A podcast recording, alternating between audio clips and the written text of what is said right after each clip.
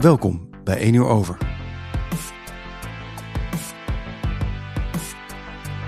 1 uur over is een podcast voor studenten, waarin er met deskundigen, ervaringsdeskundigen en studenten aan de Hogeschool Utrecht wordt gesproken over thema's waar studenten tegenaan lopen.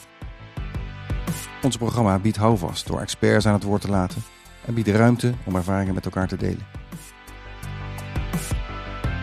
Het is een programma van Podium en het Student Support Center en is deze keer opgenomen in de Universiteitsbibliotheek in Utrecht.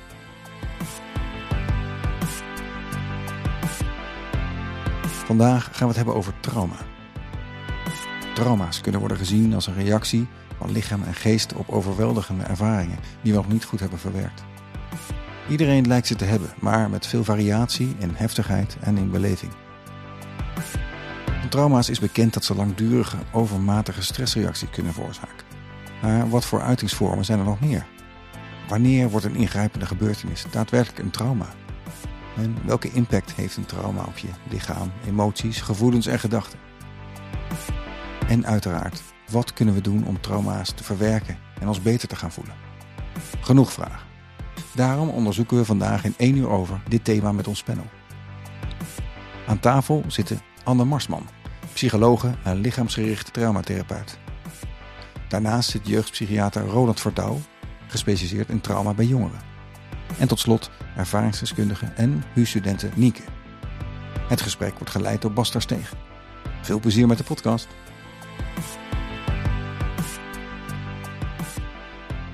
Naast mij experts en studenten met ervaringen over dit onderwerp. Uh, ik ga gewoon het rijtje af. Anne Marsman, je bent psycholoog en lichaamsgericht traumatherapeut. Kun je vertellen wat dat is? Uh, wat een lichaamsgericht traumatherapeut ja. is. Een lichaamsgericht traumatherapeut, uh, denk ik in de meest korte uitleg, um, is een therapeut die niet zozeer met het verhaal, het verbale verhaal werkt, het cognitieve stuk, maar veel meer werkt met het verhaal van een lichaam. Uh, veel meer luistert en kijkt naar wat gebeurt er in iemands lichaam. Um, wat is in feite de, de, de, de imprint van trauma of stress op een lichamelijk niveau en daar vooral mee werken. Dus het ja. is veel minder verbaal in woorden uh, en veel meer gericht op ervaren, voelen, uh, dingen doen met je lichaam. Verder in het gesprek wil ik ook graag ingaan op wat voor effect trauma kan hebben op het lichaam. Dus super fijn dat je er bent. Yes. Daarnaast Roland Verdouw, kinder- en, thanks, kinder- en jeugdpsychiater. Kun je vertellen, op wat voor manier hou jij je bezig met trauma? Uh, ja, ik zie vooral kinderen met, dus, ik noem dat relationeel trauma. Dus die vanaf jongs af aan verwaarloosd, mishandeld, misbruikt zijn. Um, en dan uiteindelijk vastlopen hè, in de ontwikkeling. Dus dat, ja, dat varieert van jonge kinderen op de basisschool tot uh, pubers uh, in de adolescentie. Ja, en ik probeer ze uh, in die zin um, nou, in eerste instantie natuurlijk te begrijpen. Dus dat is diagnostiek. Zodat je begrijpt wat is het probleem. Want begrip van je probleem bepaalt ook de oplossing. Nou, en dat is uh, makkelijk gezegd dan gedaan, zo heel erg ingewikkeld. Uh, ja, en het voordeel van dokter zijn is dat je vaak lichaam en geest. Uh, want dat is heel raar natuurlijk opgesplitst in, in onze samenleving. Hè. Dus dat, dat, als je geestelijk probleem hebt, ga je naar een psychiater. En als je lichamelijke problemen hebt, ga je zeg maar, als, als, als kind naar een kinderarts. Nou, dat is een hele rare opsplitsing. Um, en ik probeer dus uh, vanuit zeg maar, die geestelijke gezondheidszorg ook lichamelijke gezondheidszorg bij elkaar te brengen. Mooi. En een ander voordeel is dat ik ja, ook nog met medicatie uh, kinderen eventueel kan ondersteunen. Ja. Ik zeg al tegen jongen, ik ben een legale drugsdealer. um, ja. Maar dus, dat is een beetje hoe ik, hoe ik werk met, uh, met jongeren. Mooi. En daarnaast hebben we Nienke. waarom vind jij het belangrijk om vandaag mee te praten over dit onderwerp? Ik denk dat er een heel erg groot taboe rust op trauma en sowieso mentale problemen. En um, zeker na corona zijn er heel veel studenten, maar ook andere doelgroepen die er last van hebben. Dus als ik er iets over kan delen om het makkelijker te maken en het taboe te, te doorbreken, dan vind ik dat heel belangrijk. Nou, heel fijn dat je er bent. Voordat we het gesprek ingaan, wil ik nog kort benoemen waar we het allemaal over gaan hebben. We het hebben over wat is trauma, hoe kan trauma zich uiten en de effecten ervan. En dus ook op het effect van het lichaam, wat trauma kan, dus kan hebben op het lichaam. Uh, en hoe kun je jezelf en ook anderen in je omgeving helpen die te maken hebben met trauma. Ik wil eigenlijk beginnen met de eerste vraag en dat is... Ehm, kijk, het woord trauma kennen we allemaal, maar hoe, wat voor definitie van hoe zouden jullie trauma omschrijven? De definitie die ik heel graag uh, altijd geef en citeer is die van uh, Gabor Maté. Hij is een trauma-expert uit Canada, geloof ik. En hij zegt: Trauma is niet wat er met je gebeurt, het is wat er in jou gebeurt als een gevolg van wat er met je is gebeurd. Heel vaak als we het over trauma hebben, ligt die nadruk zo op de gebeurtenis. Uh, ingrijpende gebeurtenis, schokkende gebeurtenis, levensbedreigende gebeurtenis. Um, op zich is dat logisch, want dat kan traumatisch zijn. Maar trauma aan zich is niet de gebeurtenis. Het is in feite de verwonding, trauma betekent verwonding, die zo'n gebeurtenis of een ervaring achterlaat uh, met langdurige gevolgen. Ja. Dus ik focus graag op het feit dat trauma om een verwonding gaat ja. en niet om de gebeurtenis. En uh, ja, misschien is het ook wel fijn om wat voorbeelden te hebben van wat een trauma kan zijn of wat een trauma is, gewoon ter beeldvorming. Um, ja, heb jij misschien in Ronald ook um, een voorbeeld van ja, wat, wat kunnen trauma's zijn? Gewoon ter beeldvorming.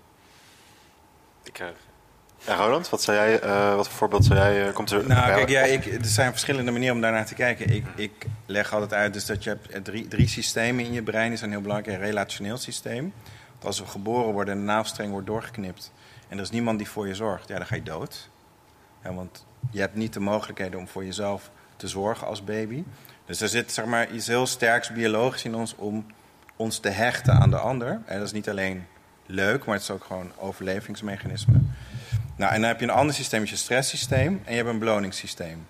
Nou, en je brein is een associatief orgaan, dus het koppelt ervaringen aan elkaar. Taal is ook een heel goed voorbeeld, hè, want als jullie vroeger geen Nederlands hadden geleerd, hadden jullie mij niet uh, begrepen wat ik nu allemaal had verteld. Dus het taal is ook een heel associatief mechanisme. Maar wat je dus vroeg in het leven leert, en dat is wat noemen we preverbaal, dus dat is niet wat je bewust leert. De associatie is de ander stressverlagend en dus belonend, of niet. Ja. Nou, en uh, ik ben het eens met, met Anne dat uh, een ervaring of een gebeurtenis en hoe je het ervaart, heeft een bepaald effect. En trauma gaat heel vaak over je stresssysteem. Dus het stresssysteem wordt gevoeliger, dat noemen we sensitief.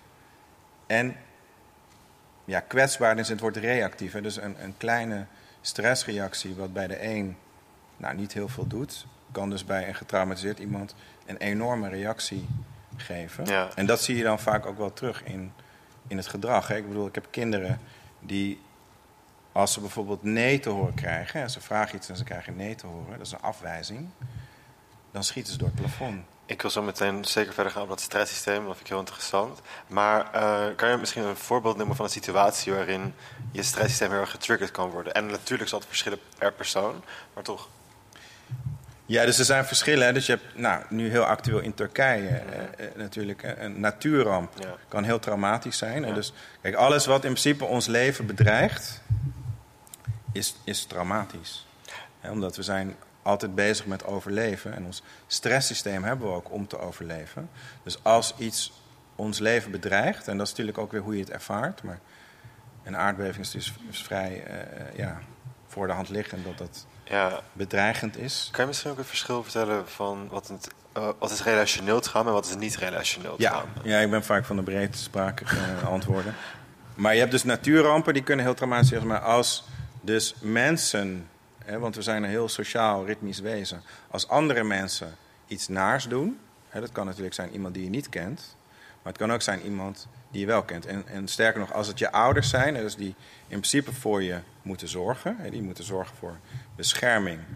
En dat doen ze dus niet. En dat is niet verwijtend bedoeld, want hè, ik heb nog geen ouder ontmoet die dat moedwillig doet. Ja. Maar als ouders zorgen voor onveiligheid, ja, dan weten we ook dus dat dat het meest traumatiserend kan zijn. Oké, dus dat is eigenlijk, ik gok dat veel mensen, eigenlijk ik ook voordat ik mezelf weer had verdiept in het onderwerp, had ik altijd de impressie dat, als je, dat je alleen een trauma kan krijgen als er een heftige gebeurtenis is. Maar Nee. wat je dus vertelt, hoeft dus, het hoeft dus niet zo te zijn. Nee, en dat is zeker het lastige nog bij relationeel trauma. Want, want heel vaak heb je voor en na. Hè, dus als die aardbeving, dan heb je, oké, er was een voormoment en er is een na-moment. Ja, Maar bij relationeel trauma weten we dat het he- hele kleine gebeurtenissen over de tijd, die hetzelfde effect kunnen geven als een, een hele heftige, eenmalige gebeurtenis. Dat is ook het lastige met PTSS. Ja. Want PTSS gaat vaak over een eenmalige, hele heftige gebeurtenis. En dat is eh, ook heel duidelijk na te vragen. Hè, van, goh, ja, eh, de persoon weet vaak ook zelf van nou, dat moment in de tijd heeft gemaakt dat ik ben veranderd. Ja. Maar bij preverbaal trauma zie je dus dat kinderen opgroeien in chaos en dan eigenlijk ook niet beter weten. Ja. Is dat, En dan ik ben het je goed uit? ineens, Of, eh, dan heb je ineens, vragen over zijn? dan heb je ineens door dat het een, eh, een trauma is omdat je opgroeit in een omgeving die onveilig is. Ja, Had jij nog een eh, toevoeging op misschien misconcepties van hoe je over Nou ja, ik denk wat belangrijk is om te beseffen is dat trauma kan ontstaan door iets wat er is, maar er niet had moeten zijn. Iets wat te groot is, te veel is, te overweldigend is. Dan kan je denken aan mishandeling, misbruik, natuurrampen, oorlogen, ziektes, etc. Maar het kan ook gaan over dingen die er hadden moeten zijn, maar ontbraken. Dus dat gaat over steun, aandacht, voorspelbaarheid, verwaarlozing. En dat is iets wat veel mensen die denken inderdaad van... oh ja, het zijn die supergrote levensbedreigende dingen... en als ik dat niet had, dan was het het niet, zeg maar. Maar emotioneel verwaarloosd worden, gepest worden... in armoede opgroeien, eh, onveiligheid ervaren... ehm, kan uiteindelijk net zo goed traumatiserend zijn. Ja, en is er, ik wil het ook hebben over natuurlijk hoe uit een trauma zich, wat zijn de effecten van trauma. Ehm, is er een verschil tussen wanneer je getraumatiseerd bent door ehm, echt een gebeurtenis of door verwaarlozing? Of door iets dat er had moeten zijn, maar het niet was in je opvoeding? Neurobiologisch gezien eh, is wat het onderzoek nu laat zien, dus we hebben lang gedacht, is eh, dat in feite de dingen die jou daadwerkelijk gebeurd zijn, die jouw letsel hebben bezorgd, zoals mishandeling of misbruik, ehm, er is lang gedacht dat dat erger zou zijn dan bijvoorbeeld emotionele verwaarlozing. Wat onderzoek laat zien op het niveau van ons zenuwstelsel en hersenen, is dat de impact van emotionele verwaarlozing soms groter is eh, dan die van fysiek trauma in feite. Kun je misschien een voorbeeld geven van wat emotionele verwaarlozing is? Opgroeien met ouders die geen aandacht aan je besteden, eh, die je uitschelden, kleineren, eh, kinderen die altijd alleen thuiskomen, dit soort dingen. Ja. In feite gewoon een tekort aan de steun en, en de regulatie die je nodig hebt ja. ehm, als kind. En als we het hebben over de effecten en hoe het trauma zich uit. eh Nienke, kan je wat vertellen hoe... ja, wat, misschien heb jij een- uit je eigen ervaring wat delen over wat voor trauma effect heeft op jou in het dagelijks leven? Nou, ik was bijvoorbeeld, ehm, ik werd ook gepest. Dat is een van mijn trauma's die waarmee ik gedeeld heb. Ehm, gewoon echt heel bang zijn om mezelf te zijn. Gewoon ehm, maskeren. Omdat ik dacht van ja, ik, ik kan mezelf niet zijn. Dat, dat, dat maakt zo veel kapot eigenlijk. Ehm, ik was heel negatief. Altijd eigenlijk jezelf saboteren ook. Maar ook heel negatief zelfbeeld. Maar ook naar, naar de wereld kijken. Echt gewoon een beetje niet bevorderend in ieder geval. Ehm, ik ben heel somber geweest, depressief, een beetje eh suïcidale gedachten. Ehm, ja, dat Ja. is echt. eh, Ja, dus dat is hoe trauma, hoe je eh, eigenlijk Ja. het dagelijkse leven daar last van kan hebben. niet, niet zelfstandig kunnen zijn, heel erg afhankelijk zijn van iemand. Maar dat is ook weer met een ander trauma, heeft dat weer mee te maken bij mezelf. Dat is gewoon ook weer. eh, en ook preverbaal zijn nog eerdere trauma's. Bijvoorbeeld voor een geboorte kan al een trauma, wat- of tijdens een geboorte al een trauma. Ik wil wel best wel graag eh, tussendoor preverbaal trauma. Wat betekent dat? Wat is dat? Voordat je kunt praten. Ja, dus Ah, dat is in principe zeg maar alles wat voor het derde levensjaar gebeurt. Ja. Dat noemen we preverbaal, Oké. omdat het verbale vermogen gewoon nog niet is gevormd. Oké. Ja. Maar kun je ook vertellen over ehm, ja, dus hoe een trauma zich kan uit op een hele duidelijke manier en ook op een soort manier dat hij misschien erin sluipt bij je? Ja, ik denk dat het een misvatting is. En wat logisch is dat mensen dat denken, maar Ja. dat trauma altijd tot PTSS leidt. Ja. Eh, maar dat is lang niet altijd zo. Er zijn getraumatiseerde mensen die geen PTSS ontwikkelen. Die geen last hebben van nachtmerries, die geen herbelevingen hebben, Ja. die niet dissociëren. Eh, maar die bijvoorbeeld, als ik naar mijn eigen situatie krijg... ik heb heel lang een eetstoornis gehad, eh, heel lang met depressie geworsteld... Dat had alles te maken met trauma. En met in mijn geval een, gewoon een, een, een stresssysteem wat ik zelf niet gereguleerd kreeg. Ja. Eh, en op een andere manier ging reguleren. En ik denk dat er heel veel lichamelijke klachten zijn die gaan over angst en dwang, eh, eh, stemmingsklachten, verslavingsproblematiek. Uh, wat in mijn optiek vaak gaat over een stresssysteem wat niet gereguleerd is. Ja. En maar van alles proberen om dat onder controle te houden. En ja, wat ik nog wel zou willen benadrukken, ook wat Anne net zei over verwaarlozing, is: kijk, nare dingen horen helaas bij het leven. We vallen wel eens uit een boom of ja, mensen maken het uit of, of komen te overlijden. En we weten eigenlijk steeds beter dus dat het niet alleen gaat over de narigheid. Want ja, dat is soms hè, wat je overkomt. Maar vooral over je relationele gezondheid. Ja. Nou, en het, wat is relationele gezondheid? Uh, dat is dus je verbondenheid met je omgeving. Hè? Dus dat zit hem natuurlijk in je familie, in je vrienden. Nou, en ja, de groep waar ik mee werk, of waar wij, wij mee werken, dat zijn vooral de kinderen en jongeren. En dat is namelijk het nadeel als je opgroeit in een gezin waar heel veel narigheid is. Dan zie je eigenlijk automatisch ook weinig relationele rijkdom. Het zijn vaak geïsoleerde gezinnen, eh, armoede. Ja. Dus, dus, dus, je hebt vaak de combinatie van veel narigheid, veel stress, hè, ook psychosociale stress. Want heel vaak denken we aan trauma, maar eh, niet weten of je voor volgende maand je huur kan betalen of dat je boodschappen kan doen. Of nou, nu met de energiecrisis. dat geeft al stress. En als je dan dus ook nog eens geen steun-netwerk hebt, dus je hebt geen leuke buurvrouw of buurman, je hebt je, hebt je ouders, die zijn, die zijn er niet of uit Vrienden. Vrienden. Daarvan weten we dus dat dat een hele toxische combinatie is. Ja. En ja, mijn pleidooi zou, dus ons pleidooi, zou zijn van ja, die narigheid kan je niet altijd weghalen. Zeker niet als het is overkomen. Maar die relationele buffer, ja. daar kan je vaak wel iets aan doen. Dus stel je voor die relationele buffer, dus je vangnet van je vrienden en familie, die is klein of niet echt er. Uh, dat heeft ook invloed op het stresssysteem. Dat je daardoor dus sneller cortisol aanmaakt en waardoor je sneller wordt, je stresssysteem wordt geactiveerd. Ja. Nou ja, en we weten, dus, dat is de A-studie, Adverse Childhood Experience. Hè, dus, dus de relatie bekeken, dus als je als kind allerlei nare dingen meemaakt, hoe functioneer je dan als volwassene? Nou, en daar kan je in principe de hele dag mee vullen. Maar dan zie je dus een verhoogd risico op kanker, botbreuken, leveraandoeningen. Nou, eigenlijk de hele geneeskunde komt uh, voorbij. En ook de geestelijke gezondheidszorg, depressie, uh, IV-drugsgebruik.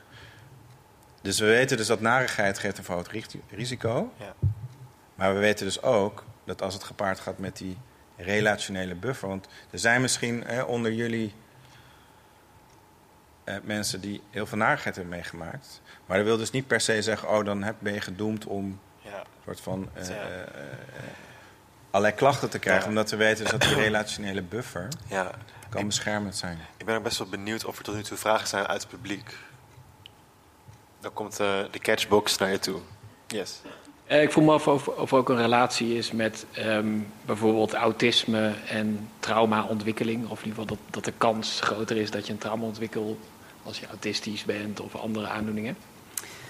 Um, daar, daar wordt veel onderzoek naar gedaan, naar of die relatie er is. En het is best wel heel ingewikkeld om daar echt een soort van oorzakelijk verband in te vinden. Uh, wat denk ik sowieso goed is om je te beseffen, is dat er veel symptomen zijn die wij scharen onder allerlei klassificaties. Of dat nou ADHD is of autisme. Uh, die als je er met een soort traumabril naar kijkt uh, net zo goed een uiting kunnen zijn van gewoon uh, uh, een, een, hele stressvolle jeugd. En dat bijvoorbeeld nou ja, een bepaald sociaal gedrag of, of, een bepaalde mate van rigiditeit of, of et cetera. Dat kan ook gaan over gewoon superveel onvoorspelbaarheid en onveiligheid in je leven hebben gehad en hou vastzoeken. en het zou ook kunnen gaan over autisme. Um, het is niet het is niet heel makkelijk om te zeggen: dit is het een, dit is het ander. Uh, het is ook nog goed om je te beseffen dat ook een klassificatie als autisme. Um, is ook maar iets wat wij met z'n allen hebben afgesproken. Dat, dat we dit zo noemen. Het is niet iets dat we bij jou onder een scanner leggen en kijken: kijk, daar zit het. Um, het, is, het is vaak ingewikkelder dan dat. Ja. Ja, het, zegt dus ook niks over de persoon. Hè? Dus het zegt alleen iets over je klachten. Dus dat is misschien uh, ja, wat, wat jij ook zegt, het is een klassificatie, geen diagnose. Daarom zie je bijvoorbeeld ook een, een Jason, hè, die nu ook in de media zegt van ik heb twintig verschillende diagnoses gehad. Het zijn geen diagnoses. want een diagnose zegt iets over oorzaak en over het mechanisme. Nou, en daarom zie je ook steeds meer mensen ja, de waarde van zo'n klassificatie in, in, twijfel trekken. Omdat het ook nog in de tijd kan, kan veranderen. dus je kan op zesjarige leeftijd de klassificatie ADHD krijgen. En als je dan 12 bent, dan gaat het veel meer richting een stemmingsstoornis. En als je dan nog ouder wordt, dan wordt het een persoonlijkheidsstoornis. Um, en je zei ook, hè, van, kijk, want je bent niet je stoornis. Ik zeg ook al tegen jongeren, ook al heb je een vorm van autisme, dan heb je het, je bent het niet. Want je bent nog steeds uh, Jantje of uh, Pietje. Uh, en, dus, en dat is ook wel lastig, omdat ja, sommige jongeren gaan zich identificeren met hun stoornis. Hè, ook met ADHD. Zeggen, ja, ik ben druk, want ik heb ADHD. En omdat ik ADHD ben ik heel druk. Ik heb het gevoel dat je misschien iets wilt toevoegen, Nienke. Klopt. Ik heb, ben op mijn negende zelf uh, met Asperger gediagnosticeerd. En nu ik 23 ben, neig ik veel meer naar HSP, naar hoogsensitief persoon. En gewoon ook dat ik denk van, past het überhaupt nog wel, dat, dat stempeltje dat ik heb gekregen toen? Ja. Helpt het mij? Um, ja, want ik kan uitleggen aan andere mensen dat ik meer steun nodig heb. Op school kan ik meer voorzieningen aanvragen, maar denk ik zelf, past het nog? Eigenlijk niet. Ja. Want toen ik negen was, was ik heel anders dan hoe ik nu ben. Ja, natuurlijk. Uh, dankjewel voor je vraag. Ik ben benieuwd, zijn er tot nu toe nog wat meer vragen? Dat zien we wel.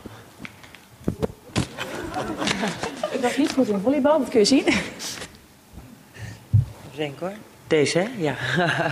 uh, nou, dat is inderdaad wel, wel heel herkenbaar. Ik heb ook allerlei diagnoses gehad. En uh, van ADHD, bipolair. Uh, en uiteindelijk op mijn 44ste was, bleek het dus gewoon PTSS te zijn. Waar dus de ADHD de bipolariteit zoals die zich uitte, was het gevolg van de PTSS. En ik heb het geluk gehad dat EMDR bij mij enorm aansloeg. Dus ik ben echt van alle shit af. En al die andere diagnoses die ik allemaal gehad heb, zijn ook helemaal niet meer ter sprake. Dus om ook maar aan te geven, wat ook logisch is. Hè, want je bent natuurlijk aan het zoeken van wat is het, wat is er aan de hand. Uh, je gaat naar een psycholoog, je gaat naar een psychiater. En uh, dus, dus wat jij zegt van je bent niet je, je stoornis, je bent jezelf het is natuurlijk ook logisch, je zoekt naar een oplossing en daar hoort een bepaald beeld bij, daar hoort misschien een medicatie bij. Maar het kan dus inderdaad zo zijn, zoals in mijn geval, dat je dan uh, verlost bent van je PTSS, na, uh, in mijn geval EMDR. En dat die andere dingen dus ook inderdaad helemaal wegvallen. Ja. En dat ik dan pas dan realiseerde van, Oh, maar dat, dat ben ik dus eigenlijk helemaal, helemaal niet. Dus nee. Dat, uh... nee, sterker nog, ik zeg altijd tegen jongen... je hebt een normale reactie op een abnormale situatie. Ja, precies. Dat heb ik niet zelf verzonnen, dus... Uh... Ja, nee, maar zo, Geef zo is het. Ja. Nee, dus, de, of dus zeg je, als je een abnormale reactie op een abnormale situatie is, dus normaal gedrag. Ja, zo kun je het ook zien. Ja, ja. Um, en dat is heel belangrijk, omdat, omdat ja, ik kan natuurlijk niet nogmaals over, als ik je mag zeggen, over nee, jouw ja, situatie oordelen. Maar als je heel goed luistert naar jongeren en ja, ook naar volwassenen. En je gaat kijken van, goh, hè, wat heb je dus meegemaakt en wat is je overkomen. Dan begrijp je het vaak wel. Dus, en, dan, en dan kan je ook heel vaak zeggen, dus je hebt een normale reactie op, op hele abnormale uh, situaties. Ja. En dat is vaak voor jongeren heel belangrijk, want heel vaak denken jongeren: oh, ik ben gek, of hè, ik ben zus, of ik ben zo. Uh, verstoord zelfbeeld, een laag negatief zelfbeeld, onzekerheid, faalangst. En het begint vaak met dus uitleggen van, nou, hè, ja, er is dus niet zoveel mis met je. Ja, je hebt wel last van dingen.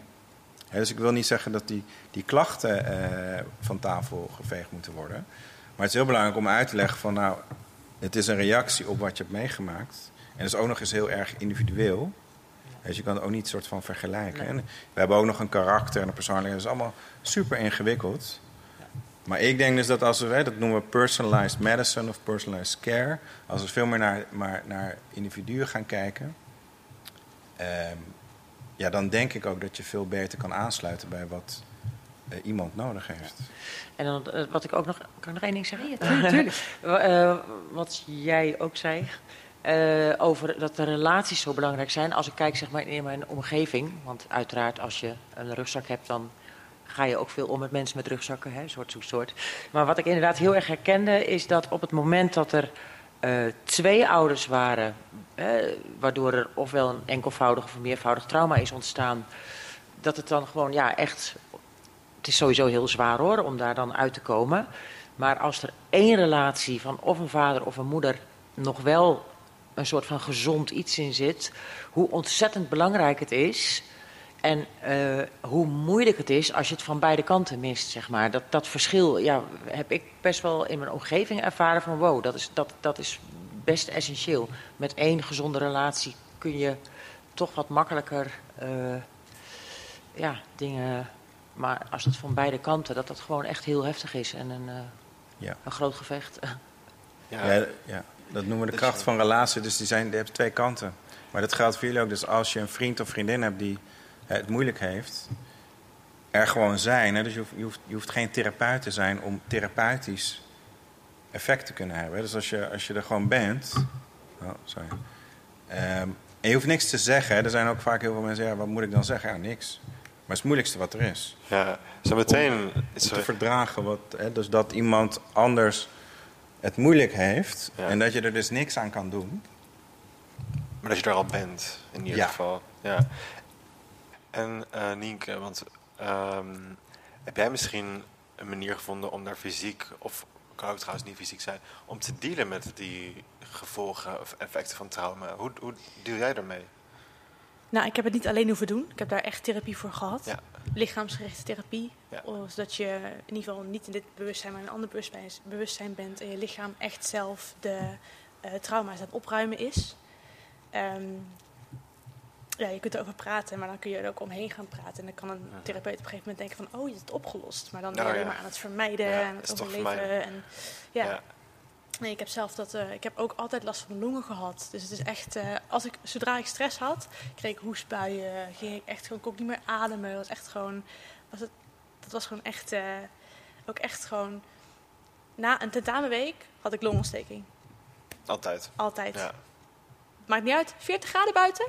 Ik lag met 30, met- ook met 40 graden op de, op de Ja, bank. dus het fysieke, dat, Ja, eh, echt. Nou, dat is onvermijdelijk, dat merk Nee, je. precies. Ik heb ook sowieso. Mag ik nog even terugkomen ook op de relationele buffer? Ja? Eh, met mijn ouders heb ik altijd gewoon goed contact gehad. En die hebben mij ook gewoon zoveel mogelijk gesteund. Maar op een gegeven moment kunnen ouders niet meer doen dan dat ze doen. Ja. En ik heb die eh, de periode dat ik op de basisschool zat, op de middelbare school, dat gepest werd, me helemaal niet thuis voelde. Ik had geen vrienden, ik was in mijn eentje. En dat heeft zoveel ook gedaan, inderdaad. Of, eh, dat heeft zoveel gevolgen gehad ook. Als ik dan wel een vriendin had gehad of een groep vrienden die me gewoon helemaal nam zoals ik was en gewoon helemaal ik mezelf kon zijn, het contrast. Ik ben in Zuid-Afrika geweest voor vrijwilligerswerk nadat ik klaar was met mijn eh, HAVO. En daar werd ik gewoon gewaardeerd voor, voor wie ik was. Het maakte niet uit hoe, hoe hard ik werkte, wat ik deed. Ik, ze, ze vonden het gewoon fijn dat ik er was. En dat heeft zoveel veranderd. Ook op dat moment dat ik dacht van, wacht even. Maar ik ben het wel waard. ja. En ik ben een persoon en mensen mogen mij, mensen zien mij. En vertrouwen krijgen dat je die relationele buffer kan Precies. organiseren voor jezelf. Precies. Of kan krijgen. Ja, Ja. en dat is heel vaak ook een verschil met mindset. Als je positiever gaat denken, wat je uitstraalt, krijg je terug. Ik heb dat zo erg gemerkt nu ik bij mijn eh, therapie heb afgerond. Echt anders in het leven sta. Ja. Ik heb zoveel vriendinnen om mij heen waarvan ik echt denk van...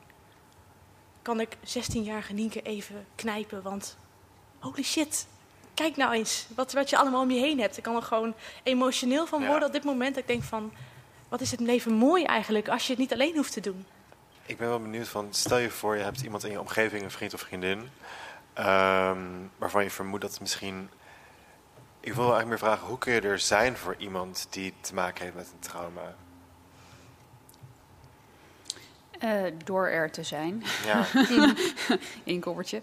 Ehm, nee, ik denk dat, dat je niet moet onderschatten hoe belangrijk het is ehm, om letterlijk gewoon bij iemand te kunnen zijn. En dan hoef je helemaal niet een ingewikkeld gesprek te hebben. Het hoeft er helemaal niet per se over te gaan. Maar als je iemand kan laten merken van hé, hey, ik ben er. En als je iets wil vertellen, dan mag dat. Eh, ehm, als je niet weet wat je moet zeggen, zeg dat vooral. Ik weet niet wat ik nu moet zeggen, maar ik ben er wel. Ehm, ik denk dat hoe meer hè, trauma of een, gevolg van trauma is denk ik ook heel vaak intense eenzaamheid en je afgesneden voelen. Soms ook van jezelf, van je eigen gevoel, je eigen lichaam, maar vaak ook van de anderen. Ja. Eh, en en een, soort, een, een gevoel hebben van nou, die kloof tussen mij en de rest is niet te overbruggen. Als je een soort van medemenselijke ervaringen kan blijven geven aan iemand. ja. Door wel naar een film te gaan, wel iemand mee uit te vragen, wel gewoon hele normale menselijke dingen samen te doen. Dat, dat, dat, dat samen zijn aan zich heel helend is. En als iemand wel iets wil vertellen, hartstikke fijn. Maar ik denk dat dat in, op de eerste plaats iemand laten weten: ik zie je. Ehm, ik heb het idee dat er iets is. Als dat zo is, ehm, dan mag je dat vertellen of niet. Dat, dat dat denk ik het allerbelangrijkste is. Dat is ook zo herkenbaar, die eenzaamheid. Dat gewoon, dat, dat, ik had het gevoel door niemand gezien of begrepen te worden. Niemand begreep mij echt. Dat is het eenzaam, Gewoon, ja. ja, zo enorm eenzaam. Gewoon iedere avond s'nachts gewoon in bed liggen huilen. Dat je je zo eenzaam voelt. Gewoon dat van ja, wat doe ik hier eigenlijk nog? Ja, ik ben best wel benieuwd of er misschien mensen in de zaal zijn die iets willen delen of een vraag hebben. Ja, over, je had het net ook over dat trauma zich ook uit dan in het lichaam. En ik was ook benieuwd aan, of altijd lichamelijk onverklaarbare klachten eh, en chronische pijn, of dat altijd een gevolg is van trauma. Niks is altijd zo en niks is nooit zo. dus het antwoord is nee, niet altijd. Eh, soms wel. En wanneer weet je dat? Ehm, ja, door, door goed na te gaan eh, wat iemands verhaal is, in welke context ook dit soort klachten zijn ontstaan. Ook om goed lichamelijk onderzoek te doen als het daadwerkelijk, eh, nou ja, om echt om lichamelijke klachten te gaan. Eh, maar hoe weet je het? Ik denk vooral door zicht te krijgen op wanneer is dit ontstaan, wanneer vlamt dit op, wanneer wordt het erger, wanneer wordt het beter. En een soort hypothese te vormen en samen te gaan toetsen. Maar het is nooit altijd zo. Ehm, ehm, ja, dat, dat, dat is puzzelen. Maar het is wel belangrijk om in je hoofd te houden dat het zou kunnen zijn dat dit eerder een, een psychosomatisch probleem is dan daadwerkelijk een lichamelijk probleem. En wanneer zou lichaamsgerichte therapie dan kunnen helpen? Als, eh, als iemand daar zelf voor open staat, dat is belangrijk. Ehm, als je merkt dat je daar zeg maar, pratend gewoon niet heel veel verder mee komt. Ehm, als je misschien ook merkt dat iemand heel erg afgesneden is van überhaupt zijn lichaam en wat hij voelt. Veel mensen bestaan hier, maar hebben geen idee wat, wat er hier nog gebeurt. Ehm, ehm, ja, ik denk dat, dat dat is wanneer je na kan gaan denken van zou dit een optie kunnen zijn. Bij kinderen wel heel vaak. Hè, dat je, kijk, ik zeg trauma kent geen tijd en geen taal. Hè, dus, dus waar het ook zit in je brein, daar zit geen tijd en er zit geen taal. En dat maakt ook dus dat je vaak wel weet dat je bijvoorbeeld, als je iets hebt meegemaakt, dat dat zeg maar vijf jaar geleden was. Maar voor je gevoel is het nog steeds heel actueel. En dat is omdat dus dat deel van je brein geen tijd kent. En dat deel van je brein spreek je dus het makkelijkste aan door iets, iets lichamelijks te doen. Hè, dus, dus ervaringsgericht, zoals ik het ook wel noem. En simpel gezegd, dus als je iets wil veranderen, moet je het wel activeren. Dus je kan heel veel gaan praten. En nogmaals, praten is niet erg of niet fout. Alleen als je dus heel veel lichamelijke klachten hebt, dan helpt het vaak wel om lichaamsgericht te gaan werken. Bessel van de Kolk, als jullie daar wat meer over willen lezen. Traumaspoor is een heel mooi boek wat dat beschrijft. Meer boeken, ook van uh, Gabor Maté en Bruce Perry. Dus, Ja, Hè, om terug te komen op die, die, die definitie van Gabor Maté. eh, hij legt ook altijd uit, hè, als we trauma als een verwonding zien, van een verwonding kan je helen. Als we trauma als een gebeurtenis zien, dan hebben we dikke vette pech, want die gebeurtenis maak je niet ongedaan.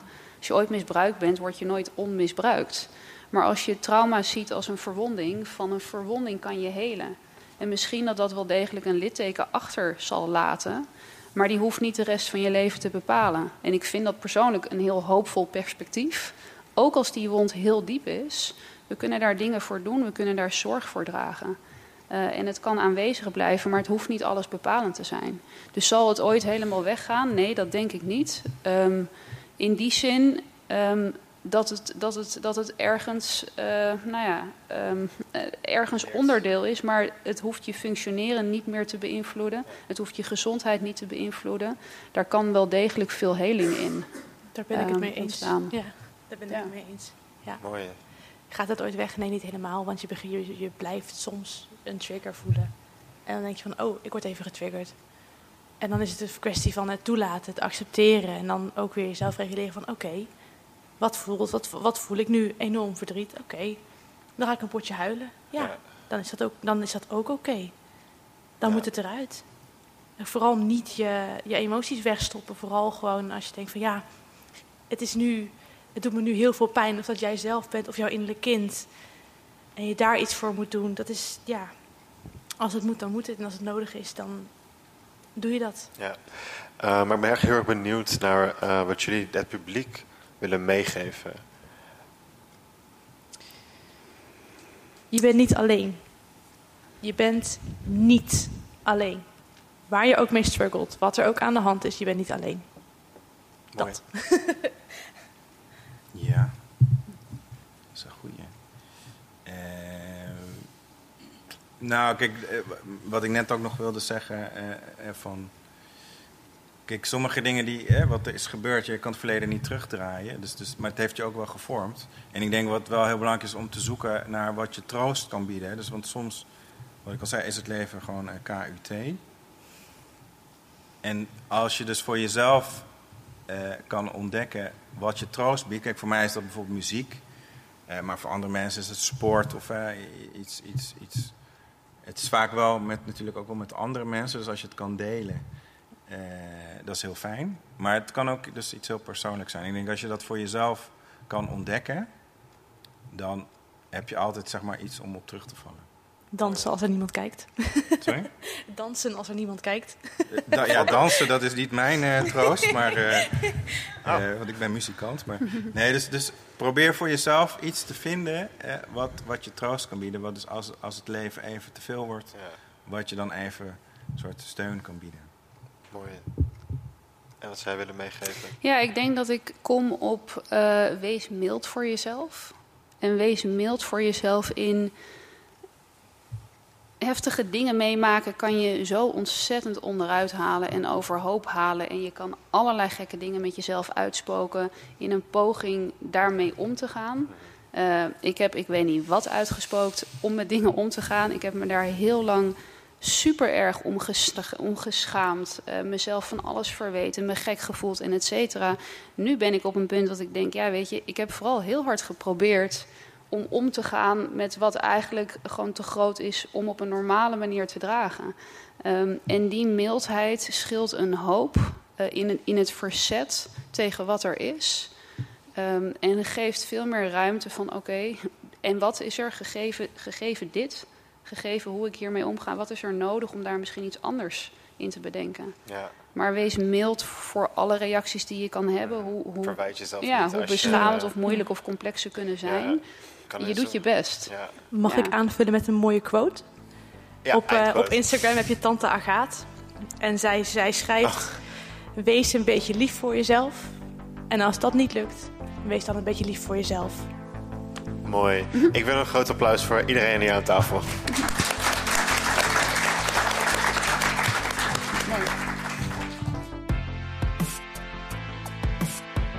Dit was het dan. 1 uur over. Deze podcast is een productie van Podium, het cultureel studentenplatform van de Hogeschool Utrecht en het Student Support Center. Hou onze website in de gaten voor de volgende afleveringen en volg ons natuurlijk op onze socials presentatie was in handen van Bas Steeg. Live audio en podcasttechniek Studio Bartolomee Producties. Programmaproductie Sander Buitenhuis en Josien Oudemans. Dank voor het luisteren en heel graag tot de volgende podcast.